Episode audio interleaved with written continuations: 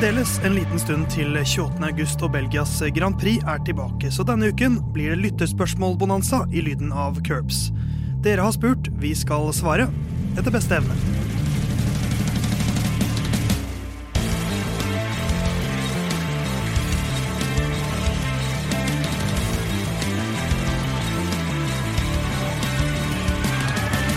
Ja, ja, mensan. Lyden av Curbs er tilbake.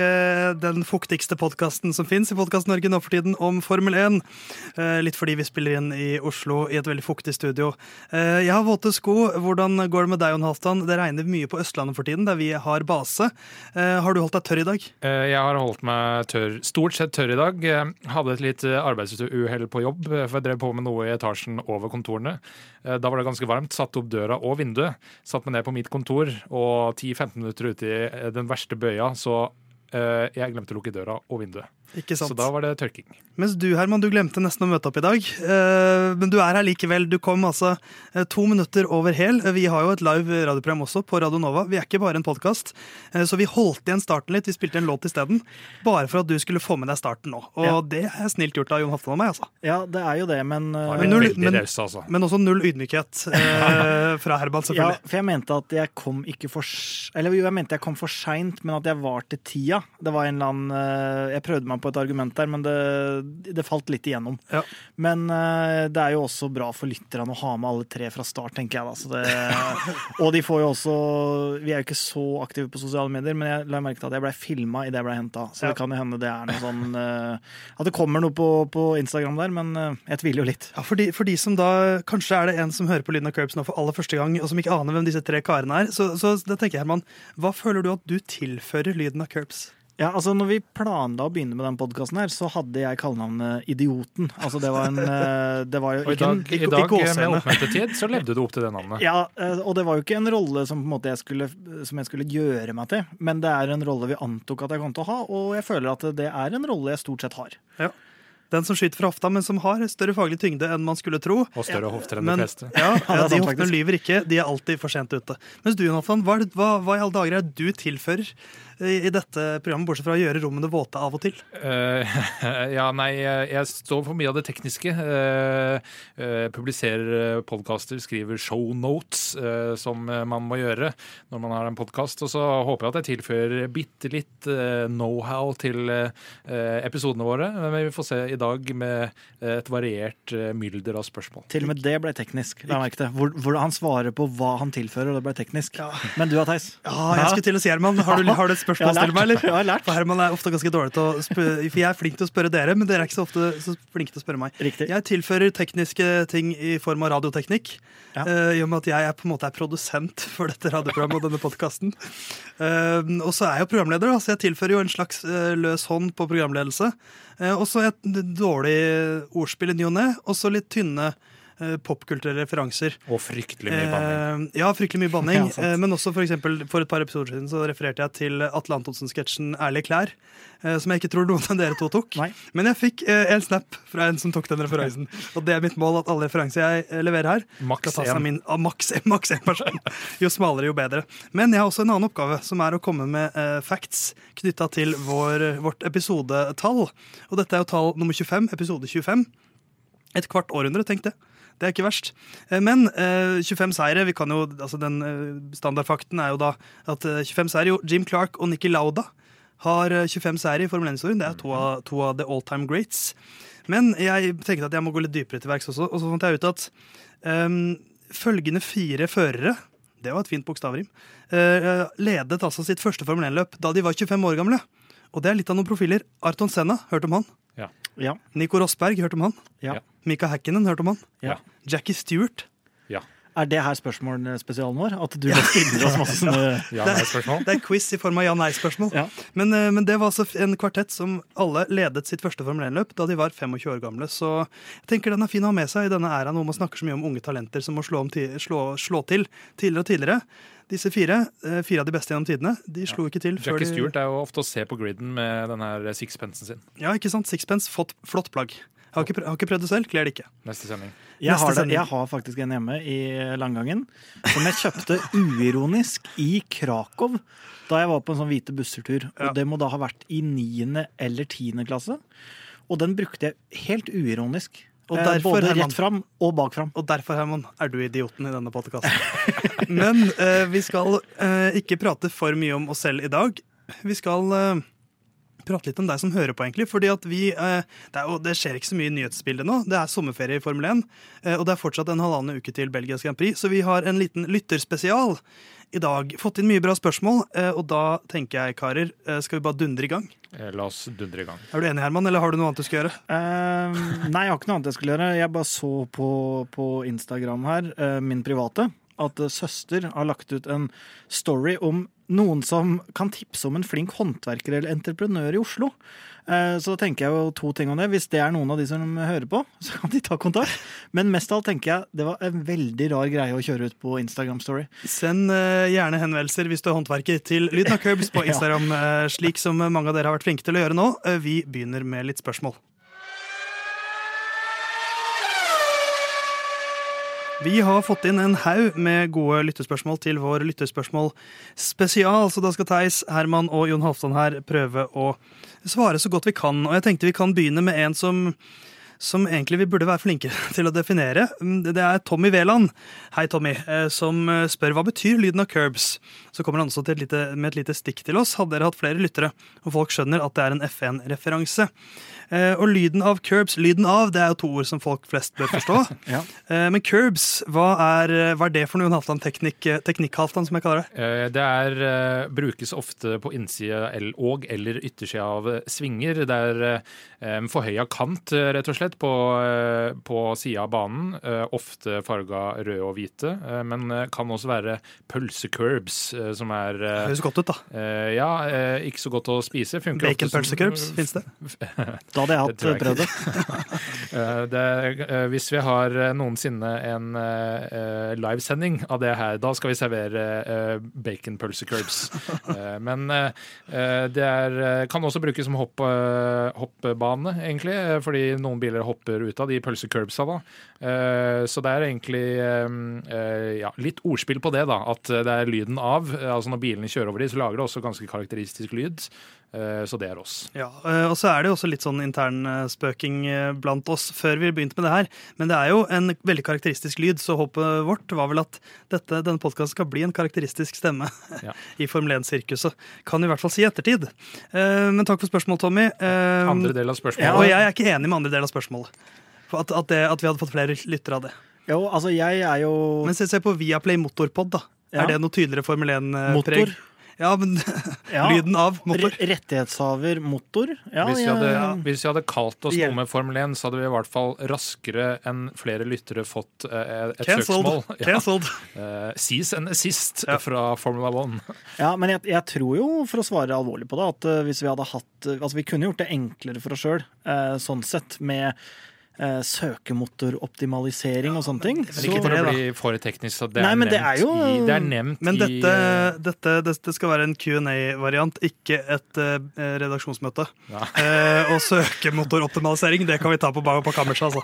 Så, så da tenkte jeg at vi skulle gjøre det sånn at vi tar eh, en rundgang på spørsmålsstilling, så kan du stille så mange søkemotorspørsmål du vil, Herman, Ja. når det er din tur. Men jeg tenker, Jon Halvdan, du kan få begynne. Har du et spørsmål fra våre, seere, Ja. våre lyttere som du har lyst til å stille? Ja, altså, jeg registrerer jo bare også at eh, til og med når jeg er seriøs, så blir jeg på en måte gjort til idioten her. Så det, nå er det en rolle som dyrkes også av andre enn meg. på en måte. Men, eh, men ja, Jon Afton, gå kjør et spørsmål. Og nå er du programleder, plutselig. Jeg er eh, idioten, programleder og Ekte offer. indignert. Og offer. Nei, ja. For en herlig saus. ja. Eh, ja, der Vi har fått spørsmål fra Ole Røsvik. Er det noen bilteknologi dere gjerne skulle ha sett innført eller fjerna fra dagens biler? Uh, vet ikke om noen av dere vil begynne, kanskje? Altså, jeg skulle jo helst ha altså, hvis jeg, jeg ville, ville gjerne fjerne DRS. Sånn, I en perfekt verden så skulle man ikke hatt noe våpen. Det er jo litt, litt samme vibe. på en måte. Eh, ja. At, at det er jo en sånn kunstig ting som er innført for å gi bilene noe på, på langstrekkene. Men eh, In Ja. Norway, the police doesn't even carry a weapon. Det pleier jeg å si når jeg er i USA. Det er ikke, så det er jo litt det samme. ja. Nei, så, så jeg, jeg syns jo at det kanskje sånn ideelt sett skulle bort. Men sånn, jeg, jeg syns det burde vært mer Jeg skulle ønske de hadde mer, uh, mer oversikt. Flere, altså flere speil, kanskje flere speil. Eller mer kamera, sånn at de kunne hatt en slags VR-variant hvor de kan flippe den på, sånn som i spillet, eh, Formel 1-spillet. Ja, At du kan se bakover, på en måte. Eller bare som piler. Rødt, rødt på den Ja, sida. ja. Det er bil på den sida. Sånn, altså sånn, altså sånn ryggesensor har vi hatt i flere tiår. Ja. Men ikke Formel 1. Altså sånn litt mer uh, orienteringsteknologi. Ja, eh, når det, eh, Kort inn på DRS, da, i IndyCar, der har de jo ikke det. eh, Som er den amerikanske fetteren til Formel 1.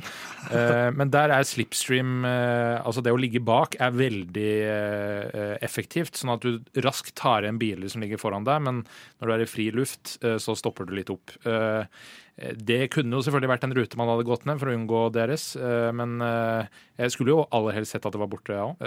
Redd det kanskje kunne blitt litt kjedeligere. Ja, jeg, eh, jeg tror ikke Altså i hvert fall på kort sikt så tror jeg ikke jeg skal tenke i de baner at man skal gjøre noe som gjør det mindre spennende og mindre tett. Så å fjerne DRS Jeg ser ikke, Ikke nå, helt men på, på lang sikt. Ja da, men jeg ser ikke helt problemet heller. Altså, jeg ser eh, hvis jeg, hvis jeg kunne valgt, og, og at man er idioten fortsetter i sitt spor, eh, så tenker jeg jo jeg ville hatt noe mer robuste biler. Sånn at man kunne liksom ikke Vi skal ikke helt på gokart og radiobiler, men at de i hvert fall tåler litt puffing. Eh, Så skjønner jeg jo liksom at eh, det ødelegger jo til Hvis det blir for mye av det, så ødelegger det jo seriøsiteten. Men si å skru til et par knepp, da. At du kan tåle bitte lite grann. Ja, nei, det er, Der er jeg 100% enig. Det synes jeg ikke er, det er det motsatte av idiot. Herman. Ja. Det er veldig godt innspill. Men det- så, så vil jeg også at dekkene skal være dårligere. Sånn at de tvinges til å pitte oftere. Ja, Og, og færre folk i pitstop.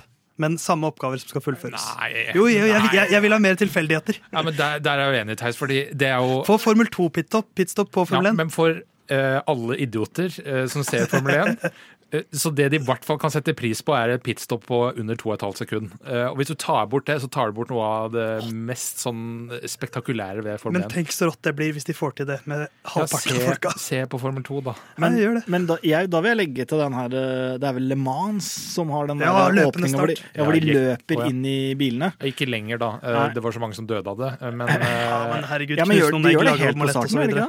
Eh, jo, og så har de en formasjonsrunde. Ja, ok, ja, ok. For det- den der å løpe, det er jo for en 40-meters-entusiast òg. Så er jo det en distanse som er helt er- perfekt. Så da får du plutselig det momentet 40 òg. meter. For de som ikke eh, henger med, Herman er veldig stolt over hvor rask han er på 40 meter. var. Var, for, var, var, var. Ja, ja. Nå lager jeg en sånn ramme med fingrene. Eh, men ja, eh, så litt ymse forslag der. Bort med DRS, eh, og inn med Har du noe du vil tilføre, Jon? Eh, noe jeg vil tilføre eh, Eller er du sånn som alt er perfekt, men, og ingenting var bedre, eller alt var bedre før, men vi skal jaggu ikke endre på noe? er firehjulstrekk. Firehjulstrekk. Den er ikke dum. Eh, har du et spørsmål, eh, Herman? Ja, eh, da tar jeg et av eh, min gode venn og Ole Røsvik sin bror André Røsvik, som også er min gode fiende, på en måte. Vi, vi er veldig sånn på en måte et bipolart vennskap. Formel 1-Norges Schumacher-familie. Ja, ja, de, ja. ja absolutt. Eh, Og da er vel kanskje André Ralf. Eh, Vi må nok innrømme det. Ralf er jo den beste. Ja. Hvem, hvem er, eller er Mick? Nei, han, han er Ralf, eh, yngstebror er Mick, og Ole, da, som var forrige spørsmålsinnsender, det Og er nok vikar. Ja, det er nok uh, Michael, altså. Det er nok det.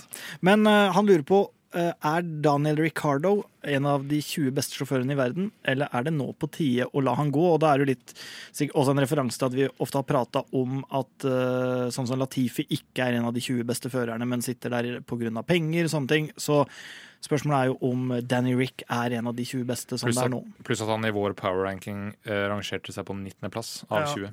Hør Ja. forrige episode for å få vår power ranking. Eh, jeg vil si eh, ja i den rette bilen. Eh, akkurat nå, nei. Nei.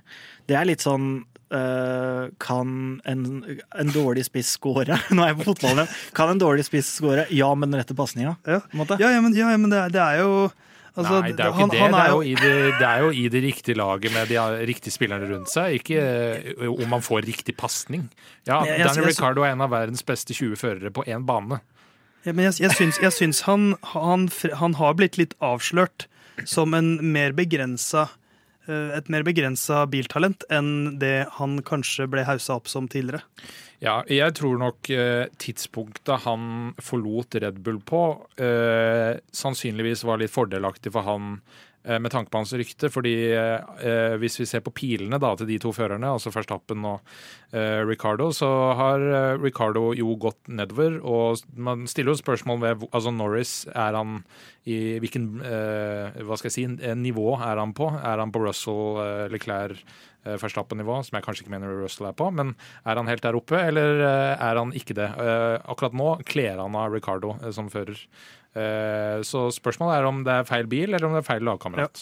Det virker som jeg heller kanskje mot nei, Jon Halvdan kanskje mot uh, nei. nei. Og du, det er Herman, din, din. Altså, Det er jo en vakker kjærlighetshistorie mellom to menn. Det egentlig En australier, en langgang-gutt. Som er jo- aldri har møtt hverandre, men de kjenner hverandre. Det er som sjelevenner. Det er nesten et sånn triangeldrama. For det er jo det er meg, Danny Rick og Drive to Survive, måte. Som er alle tre i et eh, Den hellige treenighet. Ja, ja, egentlig.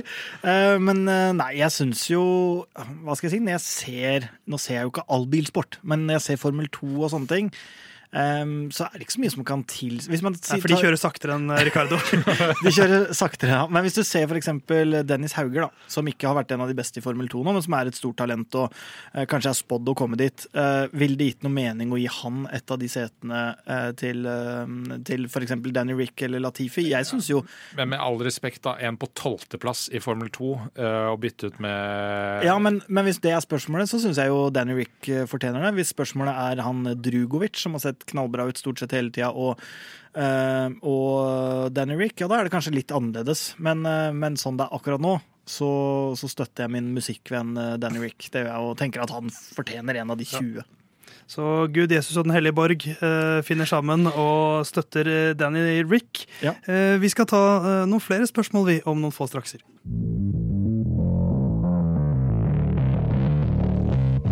Lytterspørsmål spesial. Eh, Da er det min tur til å stille et spørsmål som en av dere som lytter på, har stilt oss. Eh, Maud Vestnes. Hei til deg, Maud eh, og Vestnes. Så langt i årets sesong, om dere måtte erstattet noen av banene, hvilken fjernes? Um, og Da får vi svare på det som Maud spør om her, og forholde oss til da første halvdelen, til og med Ungarns Grand Prix. Um, ja, hvem, Er det noen som har en sånn instinktiv gut reaction? Ja, altså det er jo litt eh, En gut reaction er jo at man kan skille på litt forskjellige ting her. Eh, Det ene er jo altså litt mer etikk og moral. eh, med hva Jeg hadde som tenkt er- å ta den ved linja, nemlig. Ja, og si liksom bort med Bahrain og Saudi-Arabia. ja, Og Aserbajdsjan. Ja, absolutt. Og da kan man vel nesten diskutere Ungarn nå. Selv om hvis man skal ja, ja. gradere de, så er det jo litt ulike ting. Og så er det jo eh, på en måte også underholdningsverdi, da. Da kan man jo argumentere for at f.eks. Monaco burde bort, Frankrike bort. Så det, det er da er jeg ikke, da hadde jeg ikke fjerna noen av dem jeg nevnte. Nei, nei, ikke sant? Så det er jo litt eh, hvor man skal legge, legge lista. Um, det kan Jon Halvdan begynne med, tenker jeg.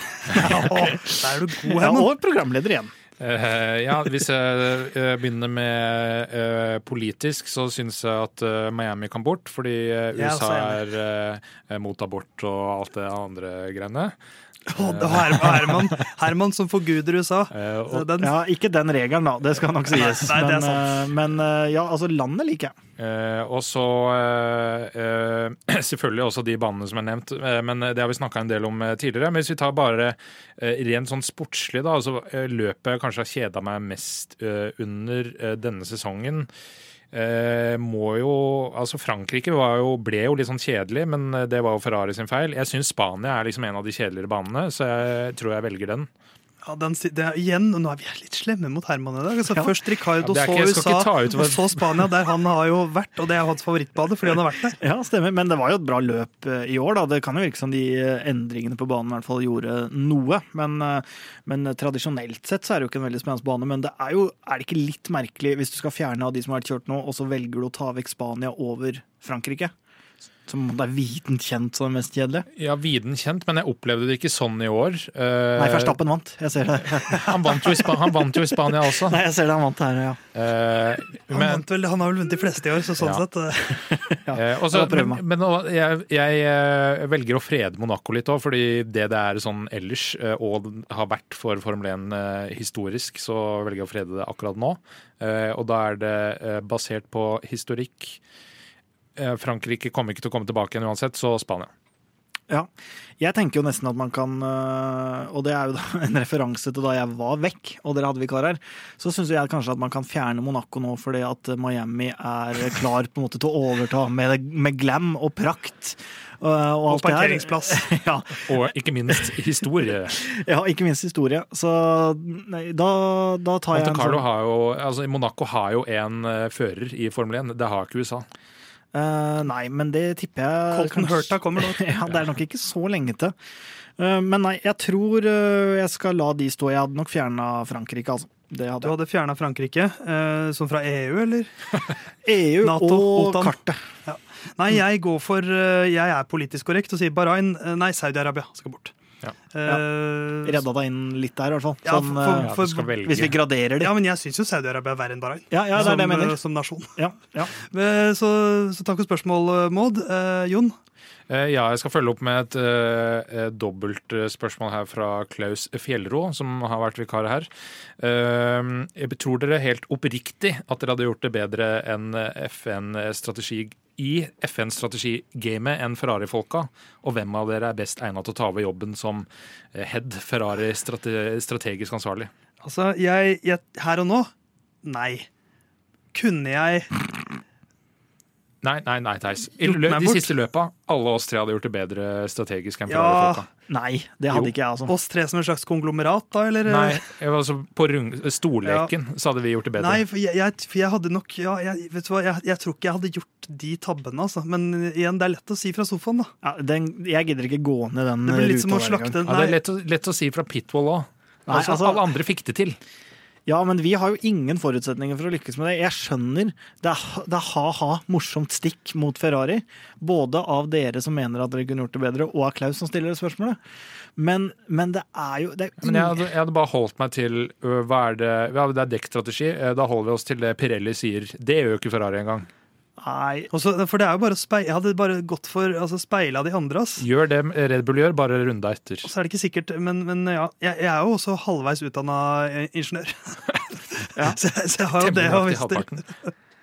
Jeg kan være halve løpet. hvor mye med, for, hvor mye med Formel 1 var det dere jobba igjen da? I det var litt, altså det Aerodynamikk og sånt har jeg vært innom. Så det, Ja, ja det er, nei, nei, så, altså jeg hadde jo vært altså Hvis du hvis det ligger i det spørsmålet at jeg bare plutselig så er du på pitwall, ikke noe introduksjon, Ja. ikke noe hjelp, jeg er ikke så god italiensk Uh, Nei, ikke sjans. Men, men jeg tror Jeg tror mange kunne gjort den jobben bedre. Hvem av oss er best egna, da? Ja, Oi. Jeg eh, det blir, Altså, For min del så kan jeg ikke svare noe annet enn meg sjøl. ja. Jeg kan ikke det, altså, for jeg, jeg anser meg sjøl som en veldig sånn vid sportskompetanse, som vi kommer veldig bra med inn her. Bra mentalitet. Ja, Hvis du ser for deg Ronaldo nå. Ja, litt det. Ikke sant? Altså, det- Begynne der med Sheffield eh, Så, sånn du sittet. ja, Nei, men jeg tror, jeg tror jeg hadde mestra det. Jeg tror jeg har eh, Jeg tror jeg har på en eller annen måte et konkurransefortrinn idet jeg entrer det miljøet. Men jeg, har ikke så mye å Men da kommer det du jo for seint inn i pit, da. Ja, det er sant. Men det er kanskje det Og for fort. Det er kanskje det enorme konkurransefortrinnet jeg har med å ha deltatt i norsk andredivisjons håndball i så mange år. Altså, er du god på 40 meter. 40 meter. Men altså, jeg har vel beviselig vært den som kjører kjappest her. Uh, når vi ser Ja, men på du skal ikke kjøre Nei da, kjappest. men- Steiner er jo ikke raskest på eh, feltet i Formel 1, bare for, ja, Eller- men han er men- fortsatt team principle. Hvis 40 meter var relevant, så må jo egen det er jo 40 raskest, Desidert raskest i gokart. Jeg, er- jeg kan jo det. Desidert. Desidert. Ja, den er jeg ikke med på. Du har ikke mage til den idretten der. Jeg slo deg i andre runden, og jeg var ikke langt bak deg etter sånn tre runder før jeg kasta opp. i siste runde. Det er greit, Desidert er jeg enig i. Ja, desidert eh, kan du spare deg Men for. jeg, jeg, jeg mener meg, da. I hvert fall. Jeg har prøvd å argumentere for det. Jeg tror jo at uh, du er dårligst, altså. men jeg tror ikke at jeg er best. Jeg tror kanskje, kanskje Jon, men jeg hadde vært best som sånn eh, race engineer, altså den som prater. Eh, og det er jo ikke han som legger strategien. Nei. Nei, og du kan jo litt eh, flere språk òg, Det kan jeg. så det, det er jo ikke dumt, det heller. Eh, jeg er ikke god på italiensk. Eh, habil i engelsk. Hva sier du? Nei, jeg skulle si 'sprechen si Deutsch', men eh, det var ikke så morsomt. Det var ikke så morsomt. De snakker lite tysk i Italia, så vidt jeg vet. Nei, jeg tror, det, jeg tror også jeg er enig med deg, Theis. Det er ikke Herman. Nei. Og han måtte spurt alle rundt. Uh, er dette en god avgjørelse? Når det gjelder sånne viktige avgjørelser, så må han helst ha uh, Jeg er litt mer magefølelse, kanskje det er feil, men jeg tar iallfall en avgjørelse. Og en avgjørelse er bedre enn ingen avgjørelse. Og det, har jo, det er jo det Ferrari nesten har vært verst på, å ikke ta avgjørelser. Ja. Og bare spørre Plan F, plan G, det er så mange planer. Ja. Og det holder med to. Um, så tja er vel vårt svar på det spørsmålet, Klaus. Uh, Herman, Ja. du har et spørsmål. Har jeg Ja. hørt rykter om. Ja, jeg merka et lite stikk i sida fra, fra Halvdan. Um, og det kan jo være flere som har merka seg det, fordi eh, Tommy Veland igjen spør jo er det noen tips med tanke på boligmarkedet om dagen? Jeg tenker å kjøpe dyrere leilighet nå som renta stiger. Dette er jo fordi du heter Tommy Veland utafor her, gjør du ikke det? Nei, men jeg har jo en tendens til å prate med eh, mennesker. Eh, er veldig aktiv på f.eks. Messenger. Og prater om ting jeg tenker på. Ikke sant? Så eksempel, for eksempel da boligmarkedet, spekulasjoner, renta, pris opp, pris ned, sånne ting. Så, så prater jeg jo mye om det. Jon Halvdan får kjørt seg, du får kjørt deg litt, Theis. Alle får, altså kjenner meg, får kjørt seg på de samme temaene. Eh, men hvis jeg skal Nå er jeg spent på hvordan dette skal knyttes inn til Formel 1. For Ja, men det- det håper trenger ikke du det. har en plan her. Det trenger ikke det. Han spurte om det var noen tips. Nå, nå var det litt om oss, Ja. ikke sant? Og mitt tips når det gjelder da boligmarkedet, det er Jeg tror at det er lurt å kjøpe noe før renta stiger. Det stabiliserer seg etter det. Nå tror jeg det er Jeg tror det er dumt å selge nå, bra å kjøpe nå. Det er litt lav, eh, det er litt lav eh, aktivitet i markedet. Kjøp nå, selg seinere. Ja. Er du i samme marked, spiller ingen rolle. Vi får- se om vi klipper ut dette fra podkasten eller ikke. Nei, nei, nei, nei. Eh, Men vi skal ta litt andre spørsmål nå, forhåpentligvis om Formel 1.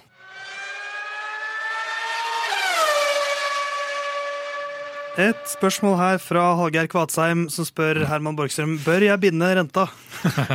Svaret er ja. Svaret er ja, ifølge Herman Borgstrøm. Men jeg kan også ta et spørsmål fra Jan Christer Pedersen. Hei, JC, som jeg også kan kalle deg. Eh, Drive to Survive er bra.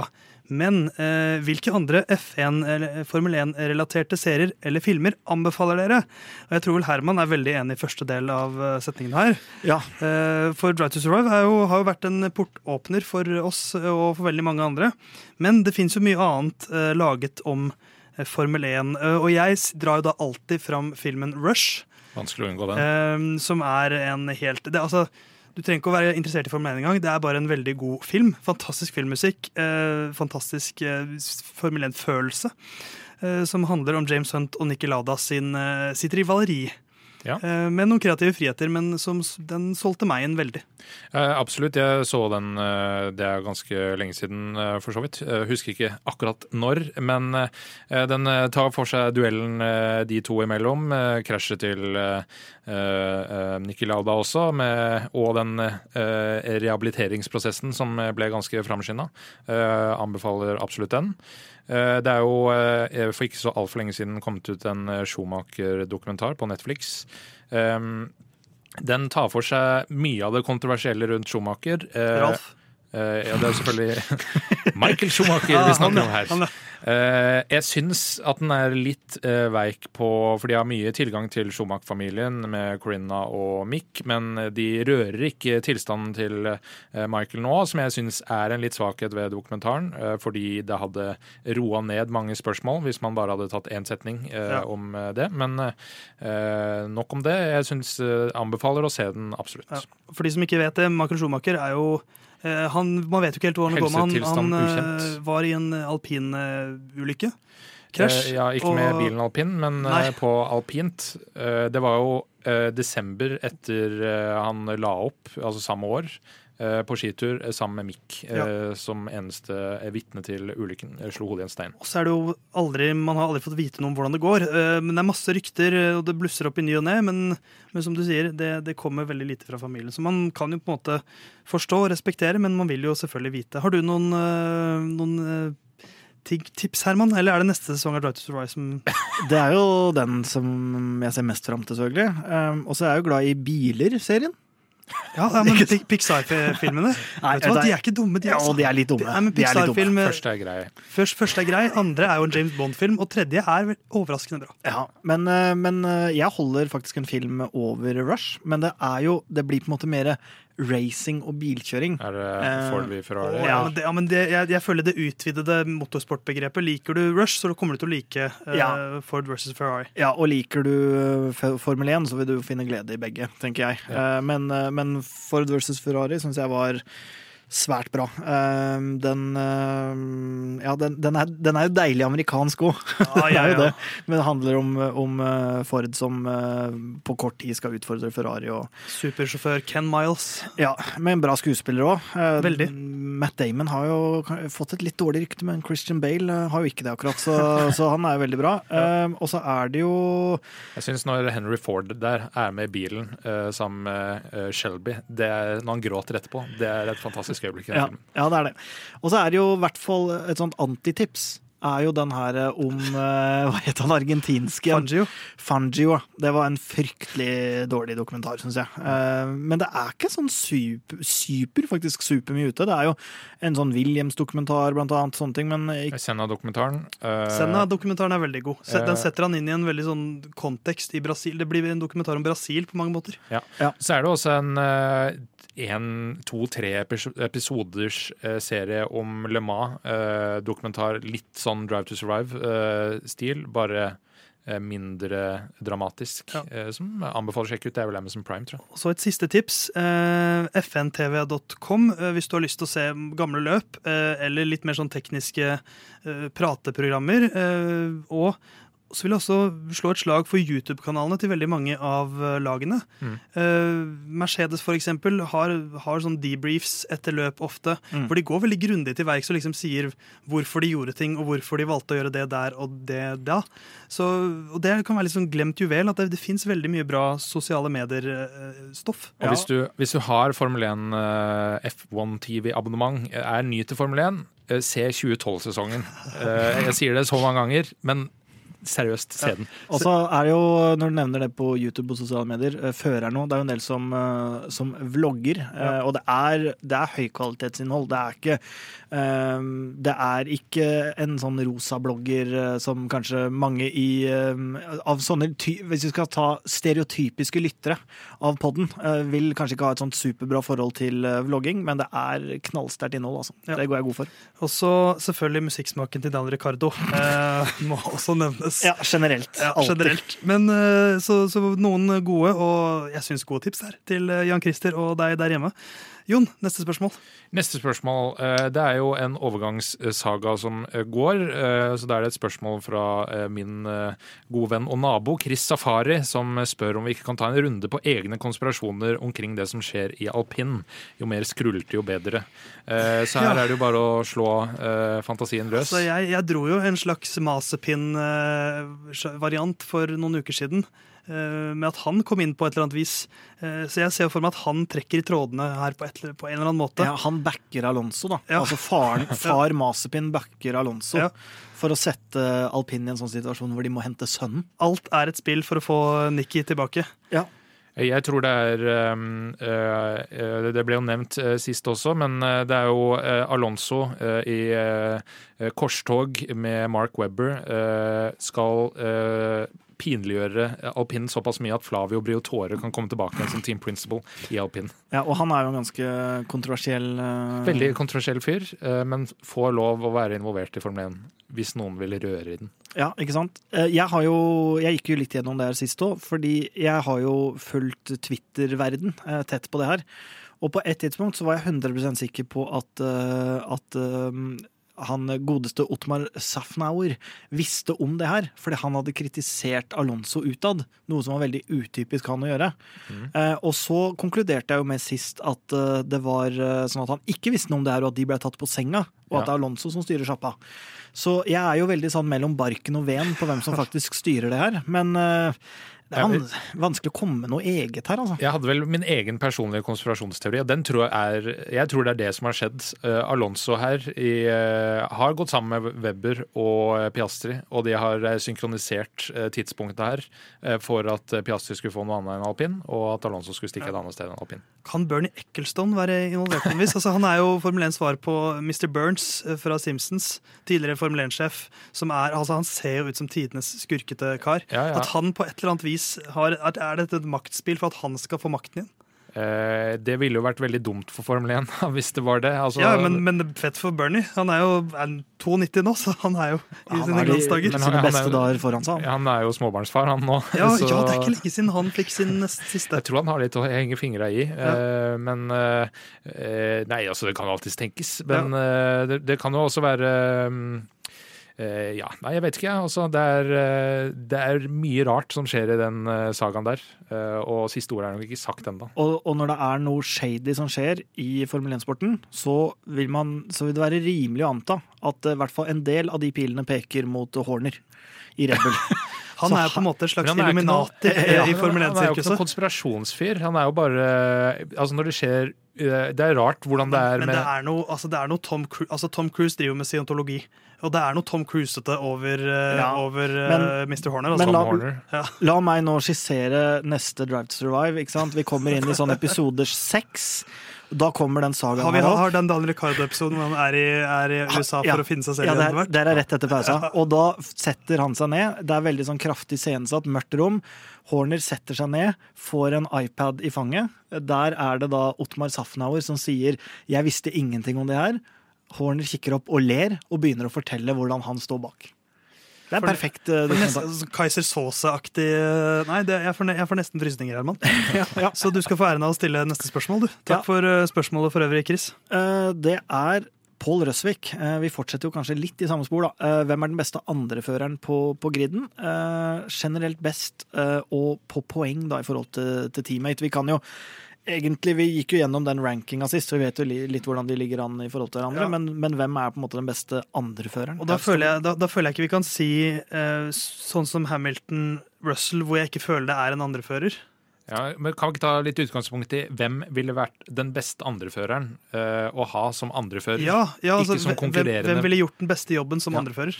Ja, da, Men da peker jo alt på Perez, for han har jo vist seg lojal. Eller ja, Bottas òg, da, selvfølgelig. Eh, Ja, men er det noen andre enn de to som eh, kunne vært eh, aktuelle, megalojale og gjør bare som de får beskjed om? Ja, Ocon, da? Han, Jeg tror ikke han utfordrer eh, Men, men jeg har jo sagt det mange ganger før òg. Jeg, jeg synes, altså, alle de Formel 1-førerne er psyko. Liksom. De er gærne Ja, men det er de. Så, Til og med Latifi er jo en gæren. ja, alle er gærne. Til og med verdens mest sånn eh, politisk korrekte Louis Hamilton er jo fullstendig idiot når han kjører. Så det er jo liksom eh, Alle er gærne. Jeg skulle til å si Albon, men han er jo gæren, han òg. Ja, han, Han krasjer jo som F. Ja, det er gærne hele gjengen. Han ofrer jo podium og holdt på, han. Altså ikke bare hans feil, men, men da han var i Red Bull, det gikk jo ikke sånn øh, superbra, det heller. Eh, Men øh, Nei, den er vanskelig, altså. Fordi at det, det, altså for, for, for å nå det, en av de 20 plassene, Ja. så har du på en måte ikke råd til å, være, til å ha andreførermentaliteten. For da kommer du aldri dit. Alle, alle, alle de 20, kanskje bortsett fra Latifi og Stroll, tror jo at de kan bli at de er best. At det er bare sånn, det er omstendighetenes skyld at de ikke er verdensmester. ja, ja. Det, er Ja, ikke, men det er ikke de som ikke er gode nok. Men hvis, jeg vet ikke om noen av dere har sett det der uh, YouTube-klippet fra uh, Formel 1 hvor de skulle gjette sin egen F1 eh, 22 game-rating. Å, det er alltid pinlig, syns jeg. Ja, det Når, sånn, når, når Sainz må stå ved, nei, når Perez må stå ved siden av Verstappen og liksom Ja, men Jeg syns ikke det er så pinlig, for de prøver å være ærlige. Men jeg Ja. syns eh, Mick Schumacher og Kevin Magnussen, som prøver å gi hverandre 1000 på alle tinga, det syns Ja. jeg er Det var sånn ironisk distanse som bare var sånn Det Superbarnslig. Ja, øh, mens B- Bottas og Show, Shaw, de var, de, det var veldig sånn mentor-lærling-relasjon mellom de to. Syns det funka kjempebra. Eh, Så jeg vil egentlig Shaw Ja, akkurat nå så tror jeg der, for sånn, sånn, altså, Gitt der de er i karrieren nå, så tror Ja. jeg nok kanskje han Men han, han er rookie også. Men nå skal, jeg, nå skal jeg regnvaske meg med tanke på at nå kommer jeg med en sammenligning. Og nå, for jeg veit at nå kommer du til å gispe. og- Sheffield- Sheffield litt streffa. Streffa. Stressa. Men- er streffa nå. Ikke sant? Jeg spilte jo håndball i mange år. Og i starten så var det sånn ok, man vil score, man vil, liksom, eh, man vil gjerne lese om seg sjøl i avisa. ikke sant? Man vil være litt eh, stjerne, man vil bli bedre, spille mer, alt det her. Da var det viktig å stupe gjennom og score og sånn sjøl. Og så etter hvert som man blir mer moden, det trenger ikke være alder heller, men etter hvert som man blir mer moden, så ser man ok, men vet du hva, det er nesten mer verdi for meg at noen andre bruker kreftene på det her, og så kan jeg bare lene meg tilbake og bare se at andre gjør det bra. Så det, med, det er ikke bare alder, men det har med modenhet å gjøre. Og nå så er det jo en kar i Formel 1 som er overmoden, har masse erfaring, alt det her. Mikk. Daniel Ricardo. Å, jeg trodde Nei, men- ikke du skulle dit. Nei, jeg nei, men, jeg var helt seriøst. Si, si at, uh, at uh, Russell uh, får en suspensjon. Eller Hamilton får en suspensjon. Bare et eller annet sånn at han blir fjerna i ett år. Vi, vi tar ikke noe Men ikke sant? du må ha inn én mann i Mercedes i ett år. De skal kjempe om tittelen, bilen fortsetter å bli bedre, bla, bla, bla. Ok, Daniel Ricardo på ettårskontrakt. Han veit han ikke fortjener den bilen. Han veit at det, det er ikke han det skal kjøres for. Men han skal da hjelpe den andre til å bli bedre. Ja, det, det er Jeg, eh, krutt, det, Jeg altså. trodde ærlig talt du skulle si en, en moden Herman Borgstrøm hadde vært beste andreføreren. For jeg, jeg trodde du skulle inn på min, min, mitt siste forslag, som er eh, Hvis du setter Fettel på lag med Mick Schumacher, så kommer Oi, han med ja. glede Ja. til å ta den andre førerrollen. Han, han kommer til å løfte på gasspedalen bare for å sørge for at Mick slår han. Ja, ja. Så der, Ja, har, du, der har du svaret mitt. Ja, ja den, er, den er ikke så dum, den. Det er, det er jo faktisk litt i samme baner som jeg var. Ja, ja, Bare med en mer Så connection dit og jeg sier Shogun Yu, du sier Danny Herman Rick. Borgstrøm, sier og du sier Fettel på lag med Schumacher. Fettel på lag med Schumacher. Jeg sier Danny Rick. jeg. Ja. Eh, nå husker jeg ikke hvem som skal stille neste spørsmål, men vi tar en kjapp eh, break, og så er vi straks tilbake med flere spørsmål.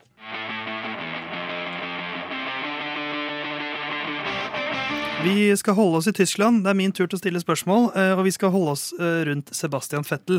For han har jo offentliggjort nå at han skal gi seg etter årets sesong. Han skal ikke være andrefører for Mick Schumacher. Eh, Men spørsmålet er fra Jon Magnus Wieland Haugvik. Tror dere Fettel er helt ferdig, eller vil han dukke opp i en medierolle etter hvert? Og da tenker jeg vi kan utvide litt og spørre hva gjør Fettel etter årets sesong? Er, er media vi kan begynne med det, er media et sted for Seb? Eh, Hvis jeg bare kan begynne. Han er jo eh, sånn eh, leder for den der eh, førernes eh, allianse, holdt jeg på å si. Førerforbundet. Eh, FA. ja. Nei, ikke Føreralliansen! ja, det, det heter noe flott. Jeg husker ikke hva det heter. Eh, men eh, det er nå eh, ønske om at han skal forbli eh, leder av eh, den eh, føreralliansen. Eh, eh, Veldig bra. Det er det Det høres ikke bra ut med fører og allianse, altså. Og så er det en tysker som skal lede det samtidig. Jon Halvdan. Det høres ikke bra ut. Hvilket forum er det du er på, egentlig? Jeg er føreralliansens forum. FAF. Ja, jeg, sånn eh, jeg tar over, jeg. Uh, Ja, men det, jeg skulle, det jeg skulle si da er eh, Fordi han eh, regnes som eh, en eh, Har vært veldig god for å lobbe for førerne. Han var jo tidligst ute med uh, 'Kom oss eh, ut av Russland'. Jeg tror det kommer til å være deler av rollen hans. Han har opp, opp, starta opp Instagram. Der skal han også han starta Instagram! Ja, uh, han sammen med Meta, altså han har ska- skaffa seg Instagram-profil. Eh, Ordet er tydeligvis mer viktig nå enn eh, det har vært tidligere. Eh, og eh, jeg tror han kommer til å bruke stemmen sin der, både for Formel 1-relaterte problemstillinger, men også utafor. Mye, lyd, mye lydklipp, da, siden han bruker stemmen. Ja. Men, Ja. jeg, men jeg tror Ja, den er fin, den, Herman. Takk. Men jeg, jeg tror oppriktig at det kunne vært en, en litt sånn viktig rolle. At du har en, en førerrepresentant som ikke kjører, men som, som har som jobb å liksom tale og jobbe for førernes sak. At det er hans fulltidsarbeid. Grand Prix Drivers Association. Ja. Eller fører. Alliansen. som det heter nå. Men hva tror du, tror du Seb velger en den sånn vei, Herman? Eller kunne han vært en strategikar i et eller annet lag? Eller rådgiver, coach, mentor? Nei, altså, Media. Det, det, som er litt, det som er litt ironisk, er at eh, Jon Magnus, eh, som har stilt spørsmålet eh, Jeg tror Altså, han, han, og, han og jeg og Jon Halvdan, vi spiller mye Warzone sammen. eh, Og, og der har Jon Magnus vært fullstendig fraværende. Prioritert andre ting. eh, Vært rett og slett elendig. Eh, Jeg tror Fettel eh, går samme framtid i møte. Jeg tror han blir helt usynlig og fraværende. Og jeg tror ikke vi kommer til å se noe mer i Formel 1. Kanskje hvis eh, på et og annet løp at han er leid inn. ikke sant? Sånn der, eh, Nå kan du få en drømmedag, kjøp en billett med Fettel, bla, bla, bla, VIP. Så han blir Formel 1-prostituert. Jeg tror han kan være det på enkeltløp, men jeg tror ikke vi kommer til å se han i, i sporten. Det tror jeg ikke. Jeg tror egentlig han går full, full non-profit. jeg. Ja. At, for han har jo penger til å klare seg ut livet. At liksom, nå, nå skal han gi tilbake. For Formel 1 er jo jaggu ikke vennlig mot kloden. Eh, Men han skal være vennlig mot kloden ut livet sitt, tror jeg. Ja, ja, ja det, jeg, jeg tror ikke Og det, jeg husker jeg så et sånt intervju med Kimi Raikon. Det var jo podkastintervju, selvfølgelig. Eh, Men hvor, eh, hvor det ble spurt om han savna Formel 1 da han var vekk.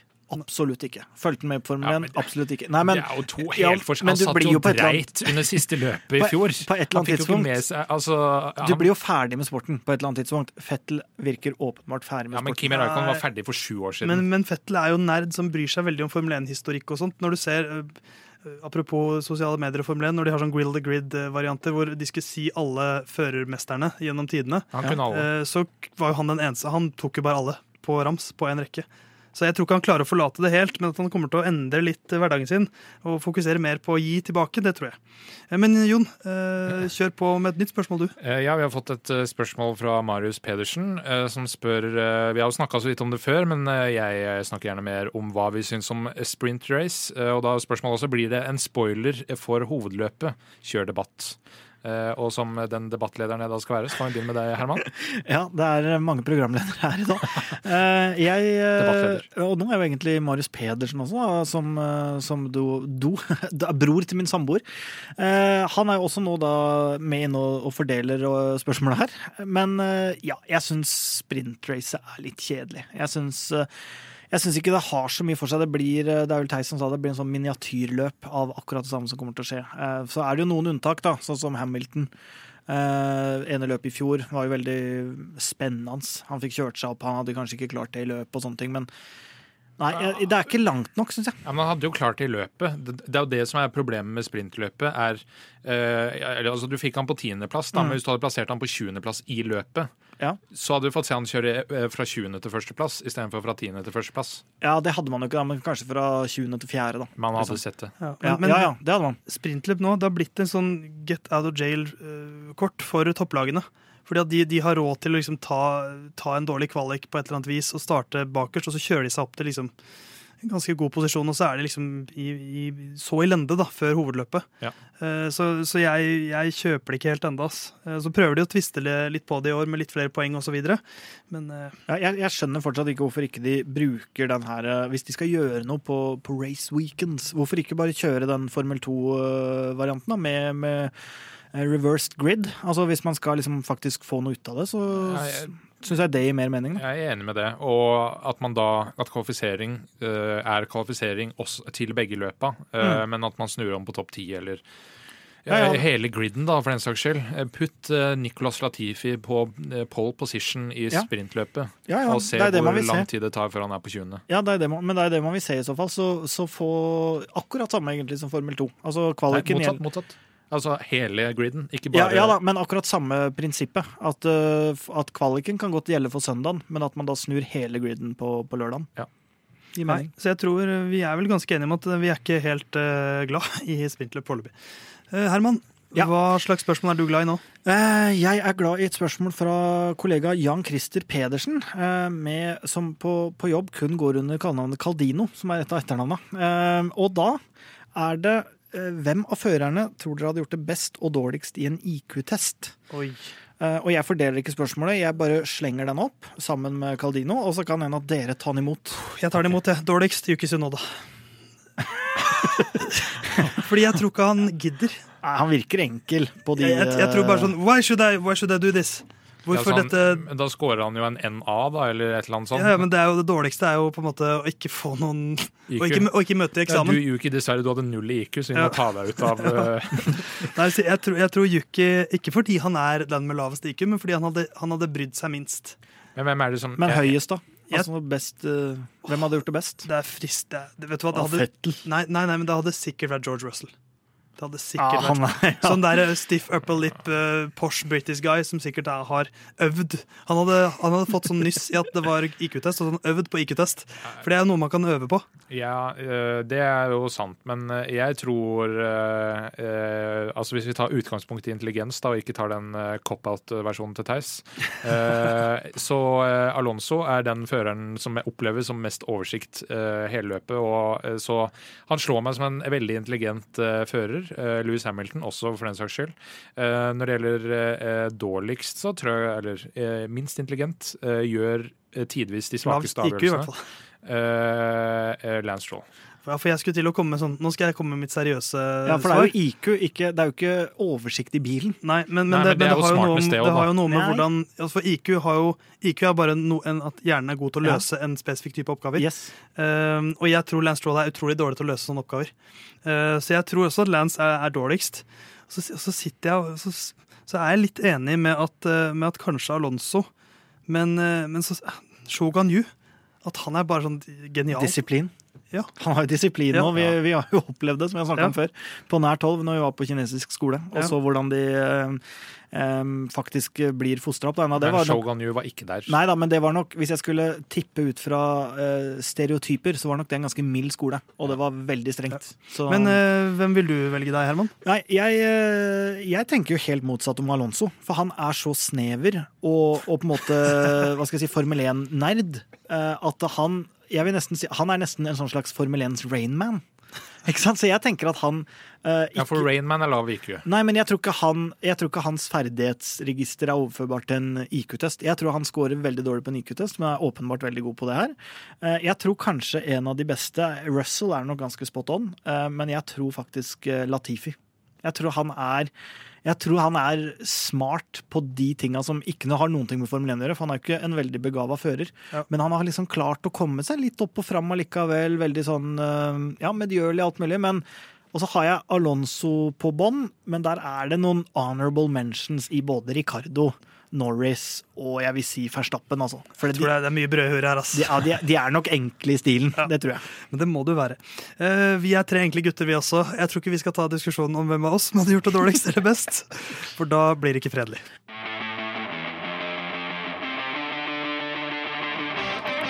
Har fortsatt tid til eh, en liten bunke med spørsmål til, og vi kan jo ta et som, som jeg syns egentlig er på sin plass, fra Henriette Olsen. Uh, si hei, Henriette, Jon. Hei, Henriette. Det er altså min samboer. Ja. Um, hvorfor bruker dere så mye engelske ord og uttrykk?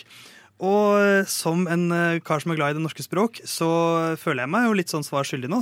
Men, men det er det er bare, det føles lettest. Altså. Det, blir, det, blir, det blir veldig jobbete å skulle oversette, og det er ikke alle begrep som er så lett å oversette. Nei, lyden av curb skulle jo vært da lyden av kanter. Ja. uh, Lyden av- lyden av fortauskanter. Ja, og vi sier jo eh, sikkerhetsbil innimellom, men Ja. det er lett å gå tilbake til safety car. Uh, så det, er, det brukes mye engelsk Altså det er mye engelske uttrykk som er vanskelig å oversette sånn Ja. til norsk, som er noe av grunnen til det.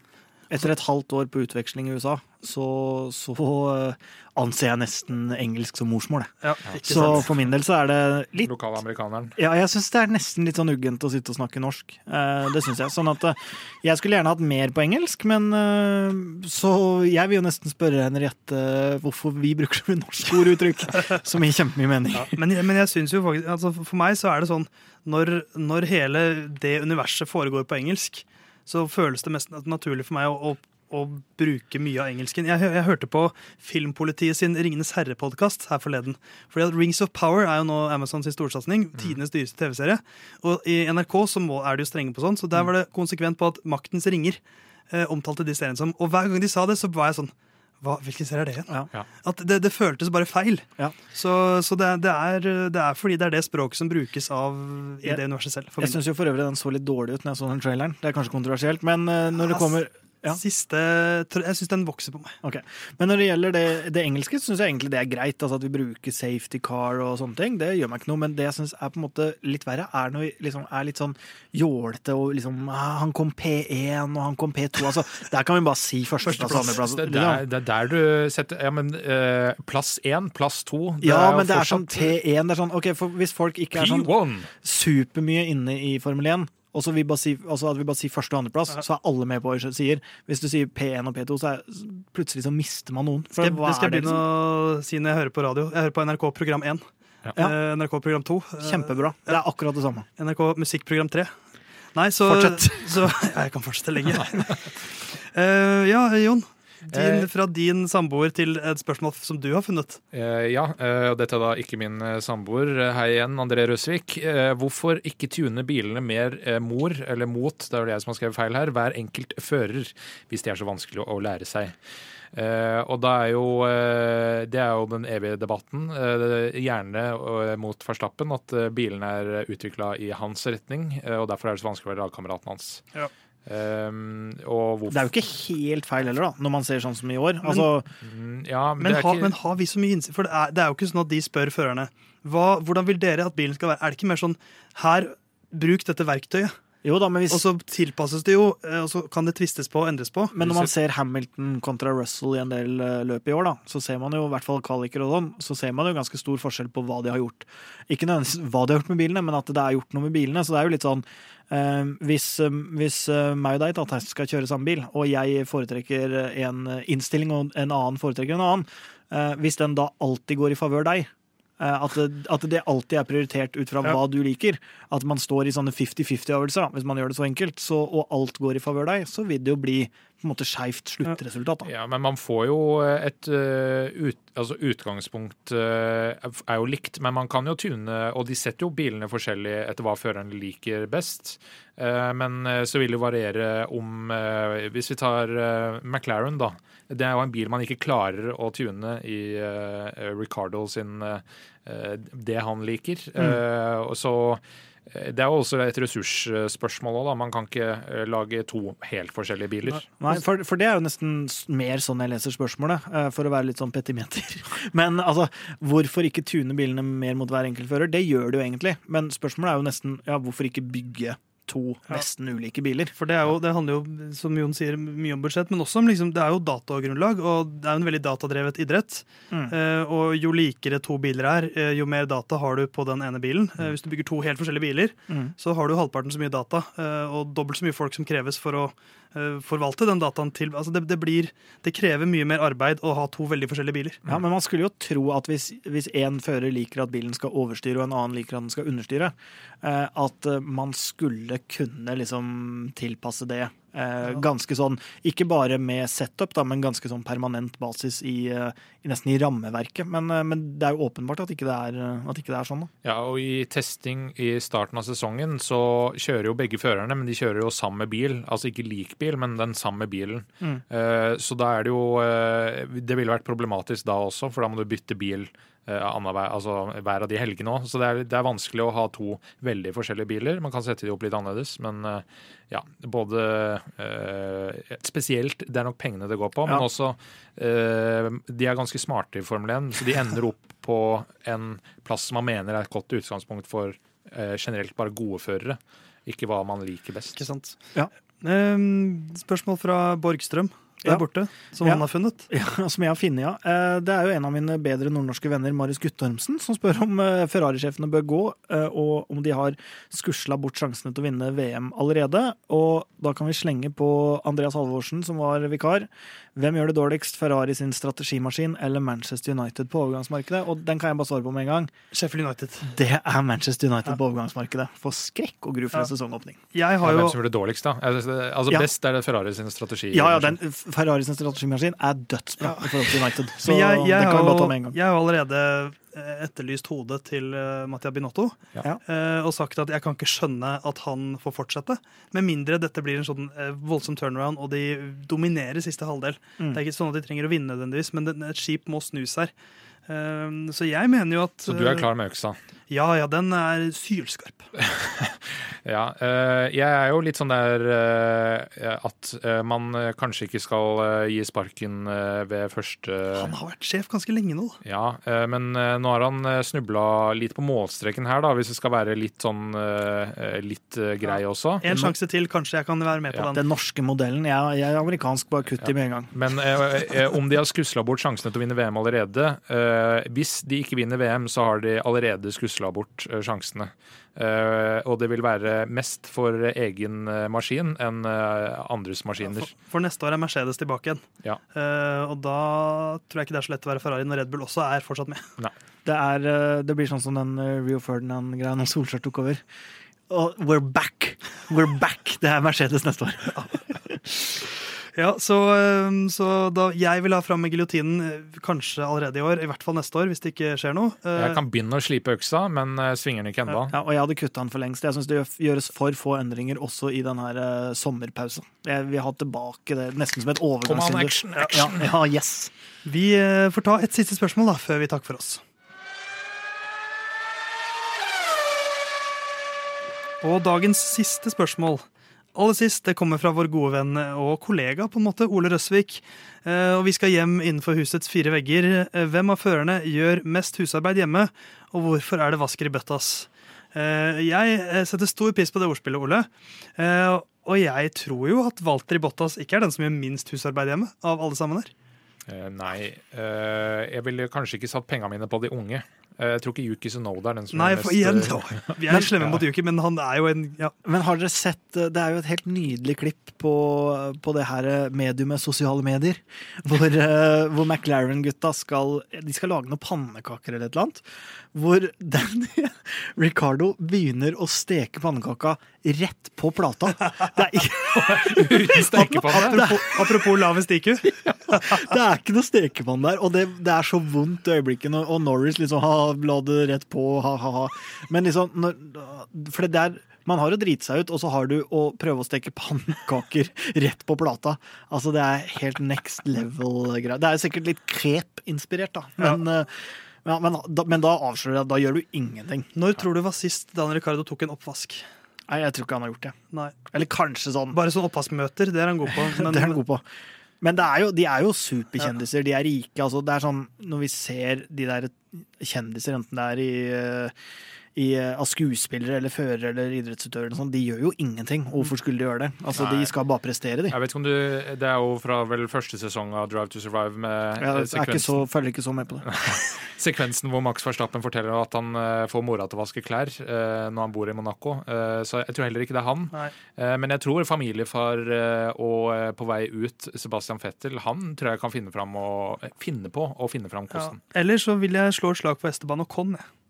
For han, eh, altså ikke, ikke når han, Men jeg tror når han er hjemme hos familien sin, så tror jeg han bidrar og hjelper med å rydde og vasker opp. og Ja, så og så har han jo veldig sånn bra, bra holdninger på alt mulig som skal gjøre han bedre. Så han kan jo godt Jeg ser for meg at han kan lure seg sjøl til å tenke sånn Jeg står opp klokka sju hver dag, eh, begynner med å ta inn og ut av oppvaskmaskinen, for det er veldig bra start Rutiner, på dagen. Ja, ja, så at han liksom er en sånn type. Litt som fenriken i Kompani Lauritzen. Han er litt den typen. Ja, ja. Rutiner. Re opp senga. Og så er det jo klassikeren da, at siden, eh, som vi har sagt før, vi var i Kina, ikke sant? si at Sjo skal gjøre det hver morgen, gi en beskjed om det. Eh, Da er han disiplinert nok til å Han følge er det. sikkert sånn som tenkte at da han begynte i Alfa Romeo, så var det han som hadde ansvar for å liksom rengjøre hjelmen til Walter Bottas og sånn.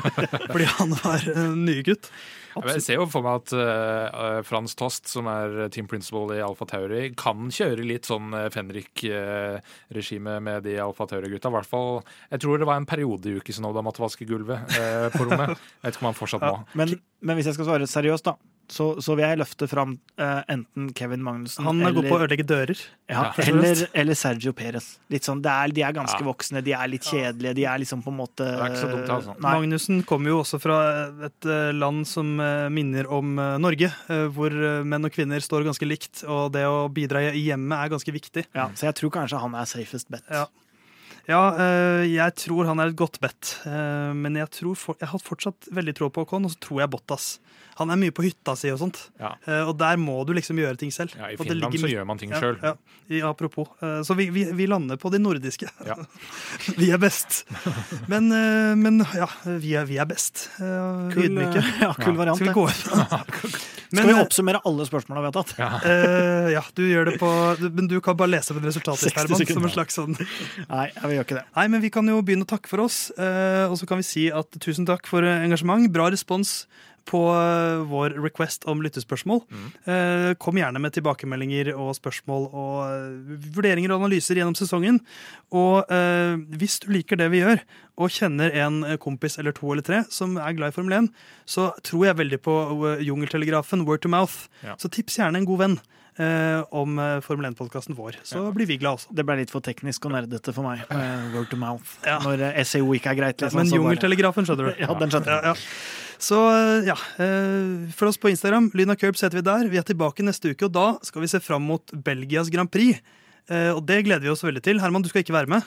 Nei, det blir uh, forhåpentligvis noen noe lydfiler dere kan spille av. Ja, fra uh, bråkete områder. det, jeg skal jo på fly, så kanskje det er en sånn total uh, bråk som vi kan få inn. Men, men lykke til på sending. Jeg skal, jeg skal høre på, og det er de morsomste sendingene jeg har hørt. Er de jeg ikke er med på sjøl, så det er artig. Jeg skal vel komme med noen tekniske detaljer om både nye gulvregler og banen generelt, så det ser jo jeg selvfølgelig fram til. Og jeg ser fram til å prate mer om Atle Antonsen-sketsjen Ærlige klær. Eh, og så ser jeg fram til å se fram til Belgias Grand Prix, for nå begynner jeg å bli veldig klar for et nytt Formel 1-løp. Ja. Så uh, lyden av curbs over for denne gang. Takk for oss. Vi høres igjen neste uke.